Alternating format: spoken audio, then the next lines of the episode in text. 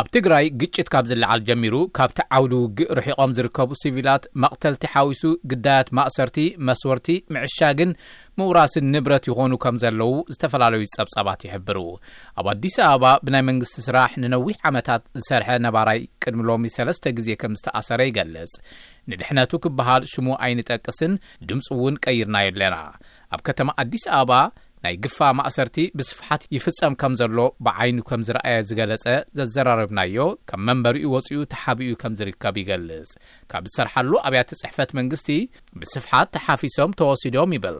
ንሱ ግን ካብ መሳርሕቱ ብዝበፅሖ ሓበሬታ ካብ ማእሰርቲ ከም ዘምለጠ ይዛረብ። ኣነ መንግስቲ ሰራሕተኛ'የ፣ መሳርሕተይ ተሓፊሶም ዝኸዱ ተጋሩ ኣለዉ፣ እቶም ካብቶም ዝተሓፍሱ ሓንቲ ጓል ተንእሽተይቲ ክልተ ቆልዑ ዘለዋ ሲንግል ማዘር እያ፣ ፕላስ ሓደ ቆልዓ ኦቲዝም ዘለዋ ምዃኑ እናተፈልጡ እቶም ቆልዑ ኣብ ገዝኦም እንዳሃለዉ ክሳብ ስራሕ ተትሒዛ ክሻዕ ሕዚ እውን ዘለኒ ሓበሬታ ሰባት ኣሊሾም ስሚዖም ዓበይ ቦታ ከም ዘላ ኣይተፈልጠትን ዘሎ። ናበይ ከ ይወስድዎም ይበሃሉ? እዚ ካብ ክልተ ከባቢ ክሓፍስዎ ንኸትር እምበር ንጹር ሓበሬታ የለን። ኣባ ሳሙኤል ገለመለ ዝበሃል ቦታ ኣሎ፣ ናብኡ እዩ ዝበሃል ዘሎ። ካብ ኣዲስ ኣበባ ከተማ ወጻኢ ምዃኑ እዩ። ብኣጠቓላሊ ግን ትርበ ከሎ ብጣዕሚ ዝኸፍኣ ኩነታት እዩ። ትማሊ ኣነ ናብቲ ዝሕበረሉ ቦታ እናኸድኩ እናሃለኹ ብታክሲ ካብ ታክሲ ወሪዶም ክወስድዎ ናብ ማሕደየ ርእየ። እሞ ቆልዑ ህጻውንቲ ቆልዑ ዝሓዘላ። ንተጋሩ ጥራሕ ድዩ እቲ ምእሳር? ኣነ ዝረኣኽዎም ዘለኒ ሓበሬታ እንታዩ ካብ ዝመጻ ታክስታት ጠጠው የብልዎን ይፍተሹ ናይ ትግርኛ መታወቅያ ተልዩካ ናይ ትግራይ መታወቅያ ትውረድ ተትሒሳ ትኸይድ ብዛዕባ ብወረ ደረጃ ንፈልጦ ናይ ኦሮምያ ተወለድቲ እውን ይትሓዙ ይበሃል እዚ እርግጠኛ ኣይኮንኹን እርግጠኛ ዝኾንኹዎ ነገር ግን ተጋሩ ግን ይፈልጦም ብርክት ቁፅሮም ብጣዕሚ ብርክት ዝበሉ ብዓሰርተታሻት ሓሽሓት ዝቁፀሩ ተጋሩ ኣብ ትሕቲ ቀይዲ ከምዘለዉ ግን ዝፈልጦን ዘይፈልጦን ተጋሩ ኣለዉ። ሰራሕተኛ ነጋዶ ሲገላ ምስ ናይ ጉልበት ሰራሕተኛ፣ ናይ መዓልታዊ ሰራሕተኛታት፣ ናይ ገዛ ሰራሕተኛ፣ ቁፃራት፣ መወልወሊ፣ መኾስተሪ ገዛ፣ ገዝሩ፣ ድኻታት ዕለታዊ ናብርኦም ዝደፍኡ ድኻታት ተጋሩ ብምዃኖም ጥራሕ ከካብ ዝተረኽብዎ ቦታ እናተሓፈሱ ይርኣዩ ከምዝኸዱ ብዓይነይውን ርእየ እየ። ብስሩ እቲ ዘሎ ሓበሬታ እውን ንሱ እዩ። ብጣዕሚ ብዝኸፍኣ መልክዑ እንደገና ሎማዕንቲ ብዝሰፍሐ መልክዑ ዶር ቱ ዶር እናዞሩ ሰብ ይእክቡ ከምዘለዉ ዝተፈላለዩ መንገድታት ሓበሬታ ንግኒ ኢና። ብርክት ዝበለ ሰብ ይጨናነቕ ከምዘሎ ኣለኻዶ ኣለኻዶ እናተብሃለ ይጠያየቕ ከምዘሎ ብምዃኑ እውን ይድውል እየ። እሳቶም እውን ይድውልለይ እዮም። እና ቁፅሩ ብርክት ዝበለ ሰብ ኣብ ብጣዕሚ ከቢድ ኩነታት እዩ ቤተሰብን ንምጥያቅ ይፍከር እዩ ጥይቅ እንተደለይስ ኣበይ ከም ዝኾነ እቲ ቦታ ዘይፍለጥ እንተሓደ ካብ ቦታ ናብ ቦታ ኢሚድየትሊ ብመካይን ተኸባቢሎም እዮም ዝወስድዎ ዘለዉ ሰብ እቲ ኲናት ዓሚ ኣብ ዝተጀመረሉ እዋን ኣባላት ሓይልታት ምክልኻል ሰራዊት ኢትዮጵያ ዝነበሩ ወተሃደራትን ላዕለዎት መኮንናትን ተወላዶ ትግራይ ዕጥቆም ፈቲሖም ገሊኦም ኣብ ፈቐዶ ካምፕታት ተኣሲሮም ገሊኦም ላዕለዎት መኮንናት ድማ ካብ መንበሪ ገዛውቶም ከይወፁ ተነጊርዎም ንሓደ ዓመት ኮፍ ኢሎም ድሕሪ ምጽናሕ ኣብ ዝሓለፈ ሰሙን ግን ካብ ገዛውቶም ተወሲዶም ኣበይ ከም ዝኣተዉ ኣይፍለጥን። እዚ ካብ ኣዲስ ኣበባ ዘዘራረብክዎ ነባራይ እውን ንሱ ዝፈልጦም ሰለስተ ኮሎኔላት ተወሲዶም ኣበይ ከም ዘለዉ ከም ዘይፈልጡ ስድርኦም ከም ዝገለጹሉ ይዛረብ። ኣበይ ከም ዘሎ ይፈልጡ እና ሓፊሶም ምውሳዶም ግን ርግጠኛ እየ ምክንያቱ ዝፈልጦም ሰባት ነይሮም ኣነ ቅድሚ ምውሳዶም ደዊለሎም ከመለኹም ኢለዮ ተዳልው ተባሂልና ተዘጋጅና ኢና ኔናን ኣበይ ከም ዝወስድ ኣይፈለጥናን ዘለና ኢሉኒ ፅባሒቲ ናብ ኣንሽቶም ደዊለ ኣንሽቶም እውን ከም ዝወሰድዎምን ኣበይ ከም ዘለዉ ሰብኡተን ሓበሬታ ከም ዘይብለን ኣይነገረናን ብሂወት ኣለዉ ድኦም የለውን ተኣሲሮም ድኦም ተቐቲሎም ድኦም ዝፈልጦ ነገር የለን ንሳተን እውን እዚ ሽሙ ክዕቀበሉ ዝደለየ ሰብ ገዝኡ ብተደጋጋሚ እናተፈተሸ ንሰለስተ ኣርባዕተ መዓልታት ተኣሲሩ ከም ዝተፈትሐ ይዛረብ። እቲ ማእሰርቲ ብዘይ ኣፈላላይ ዝፍፀም ዘሎ እዩ ዝበለና ካልእ ነባራይን ሰራሕተኛ መንግስትን ድማ ቅድሚ ሎሚ ተኣሲሩ ከም ዝነበረ ይሕብር። እቲ ማእሰርቲ እቲ ኣዋጅ ህፁፅ እዋን ቅድሚ ምእዋጁ ቅድሚ ክልተ መዓልታት ከም ዝጀመረ ብምግላፅ ድሕሪ እቲ ኣዋጅ እቲ ኩነታት እናገደደ መፂኡ ደረት እውን የብሉን ይብል። ደረት ዘለዎ ኣይኮነን። ብዋናነት ካብቲ ናይ ፀጥታ ዝሰርሑ ዝነበሩ ኣብ ፌደራል ፖሊስ፣ ኣብ ኣዲስ ኣበባ ፖሊስ ከምኡ እውን ኣብ መከላከያ ዝነበሩ ዋላ ጥሮታ ዝወፁ ይኾኑ ስኢሎም ኮፍ ኣቢሎሞም ዝነበሩ ካብኦም ጀሚሩ ብምቕፃል ግን ናብቲ ሕድሕድ ዜጋ እዩ ተኸይዱ ማለት እዩ። ገዛ ገዛ እናኸድካ ኢኻ ክትብሎ ዋላ ኣብ መንገዲ ትግርኛ ዛረብ ሰብ ዲኻ ትብል ኣብ መንገዲ መለለይ መንነት እናረኣኻ ዲኻ ትብል ብኩሉ መዳይ ማለት እዩ። ስለዚ ብኡ እናቐፀለ ካብኡ እቲ ኣዋጅ መፂኡ ሰንበት ተኣሰሩ።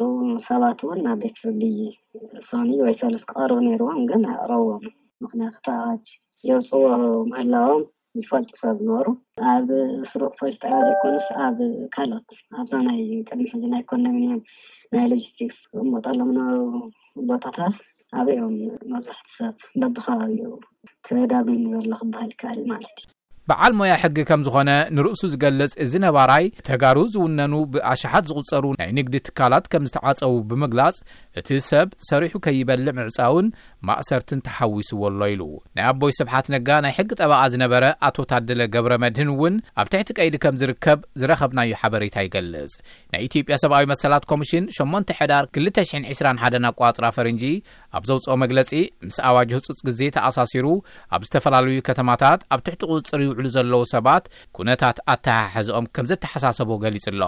ኣብ ከተማ ኣዲስ ኣበባ ኣዋጅ ህጹጽ እዋን ካብ ዝእወጅ ዕስራን ሰለስተን ጥቅምቲ ክልተ ሽሕን ዓሰርተ ኣርባዕተን ዓመተ ምህረት ጀሚሩ ሰባት ካብ ናይ ስራሕ ቦትኦም፣ ካብ መንበሪኦምን መንገድን ሓዊሱ ኣብ ዝተፈላለዩ ፖሊስ ጣብያታት ተኣሲሮም ከም ዝርከቡ ገሊጹ'ሎ። እቲ ኮሚሽን ኣብ ዘካየዶ ክትትል ከም ዘረጋገጾ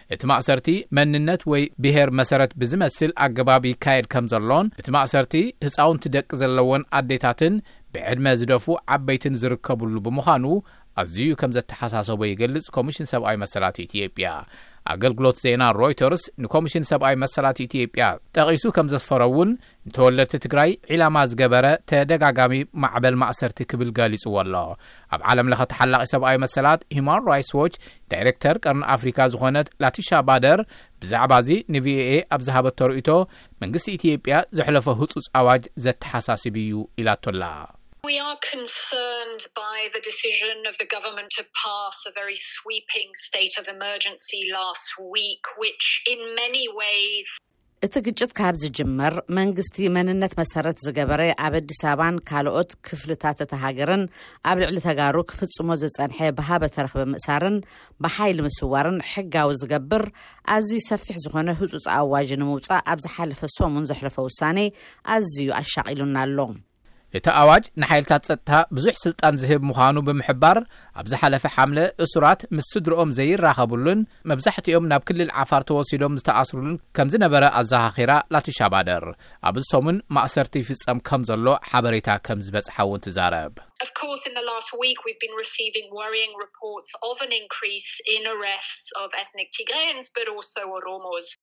ሓቂ እዩ ካብ ዝሓለፈ ሰሙን ጀሚሩ ብዘሻቕል ኩነታት ተጋሩ ጥራይ ዘይኮነስ ተወለድቲ ብሄረ ኦሮሞ እውን ምእሳሮም ከም ዝወሰኸ ፀብፃብ በፂሑና ኣሎ። እዚ ከምዚ ኢሉ እናሃለወ ድሕነትን ፍትሕን ንትግራዎት ዝተብሃለ ኣብ ኣሜሪካ ዝመደብር ውዳበ ኣብ ኣዲስ ኣበባን ካልኦት ከባቢታትን ኢትዮጵያ ኣብ ልዕሊ ተወለድቲ ትግራይ ይፍፀም ኣሎ ዝበሎ ጃምላዊ ማእሰርቲ ኣመልኪቱ ጥርዓኑ ናብ ዋና ፀሓፊ ሕቡራት መንግስታት ኣንቶኒዮ ጉተረስ ኣቕሪቡ ነይሩ። ብዛዕባ'ዚ ርእይቶኦም ዝሃቡና ናይ ድሕነትን ፍትሕን ንትግራዎት ምኽትል ፕሬዚዳንት ኦፕሬሽን ፕሮፌሰር ሙሉጌታ ገብረእግዚኣብሄር ኣብ ቀረባ እዋን ኣብ ዩኒቨርሲቲ ባህርዳር ዝምህር ዝነበረ ፕሮፌሰር ኣብ ኣፍደገ መንበሪኦም ብጥይት ተወቒዖም ከምዝተቐትሉን ስድራቤት'ውን ክቐብርዎ ዕድል ከምዘይተውሃቡን ይዛረብ። ካልኦት ክልተ ተወለድቲ ትግራይ ዝኾኑ መምህራን ዩኒቨርሲቲ ወሎ'ውን ኣብ ደሴ ከም ዝተቐተሉ የመልክት ፕሮፌሰር ሙልጌታ። መንግስቲ ኢትዮጵያ ኣብ ቀረባ ኣብ መላእ እታ ሃገር ኣብ ግብሪ ዝወዓለ ህፁፅ ኣዋጅ ግዜ ምስ ሽብር ጉጅለታት ይተሓባበሩ እዮም ተባሂሎም ምኽንያታዊ ብዝኾነ ኣገባብ ዝተጠርጠረ ዝኾነ ይኹን ሰብ ብዘይ ትእዛዝ ቤት ፍርዲ ኣብ ቁፅፅር ከውዕል ከም ዝኽእል ይገልፅ እቲ ኣዋጅ። መንግስቲ ኢትዮጵያ መንነት መሰረት ዝገበረ ማእሰርቲ ኣይተፈፀመን ክብል ብተደጋጋሚ ይነፅጎ። ትማሊ ንቪኦኤ መልሲ ዝሃቡ ናይ ኢትዮጵያ መንግስቲ ናይ ኮሚኒኬሽን ኣገልግሎት ሚኒስተር ዶክተር ለገሰ ቱሉ ሰባት ናይታ ሃገር ሕጊ ስለ ዝጠሓሱ እምበር ብመንነቶም ይኹን ናይ ሕቡራት መንግስታት ሰራሕተኛታት ብምዃኖም ኣይኮነን ዝተኣሰሩ ብመንነት ዝእሰር ሰብ የለን ኢሎም። ህግ መተላለፍ በማንነት ይሆናል የማንኛውም ሰው ህግ እስከተላለፈ ድረስ እንደ ማንኛውም ዜጋ ይጠይቃል። ምጥሓስ ሕጊ ብመንነት ይኸውን ድዩ? ዝኾነ ይኹን ሰብ ንሕጊ ክሳብ ዝጠሓሰ ከም ዝኾነ ይኹን ዜጋ ይሕተት፣ ካብኡ ሓሊፉ ግን መንነት ዒላማ ዝገበረ ነገር የለን እዮም ኢላም። ሎሚ ንጋዜጠኛታት መግለፂ ዝሃቡ ወሃብ ቃል ሚኒስቴር ጉዳያት ወፃኢ ኣምባሳደር ዲና ሙፍቲ ናይ ሕቡራት መንግስታት ሰራሕተኛታት ዝተኣሰሩ ንናይ ኢትዮጵያ ሕጊ ብምጥሓስ ስለዝተጠርጠሩ እዩ ክብሉ ነቲ ናይ መንግስቲ መርገፂ ደጊሞም።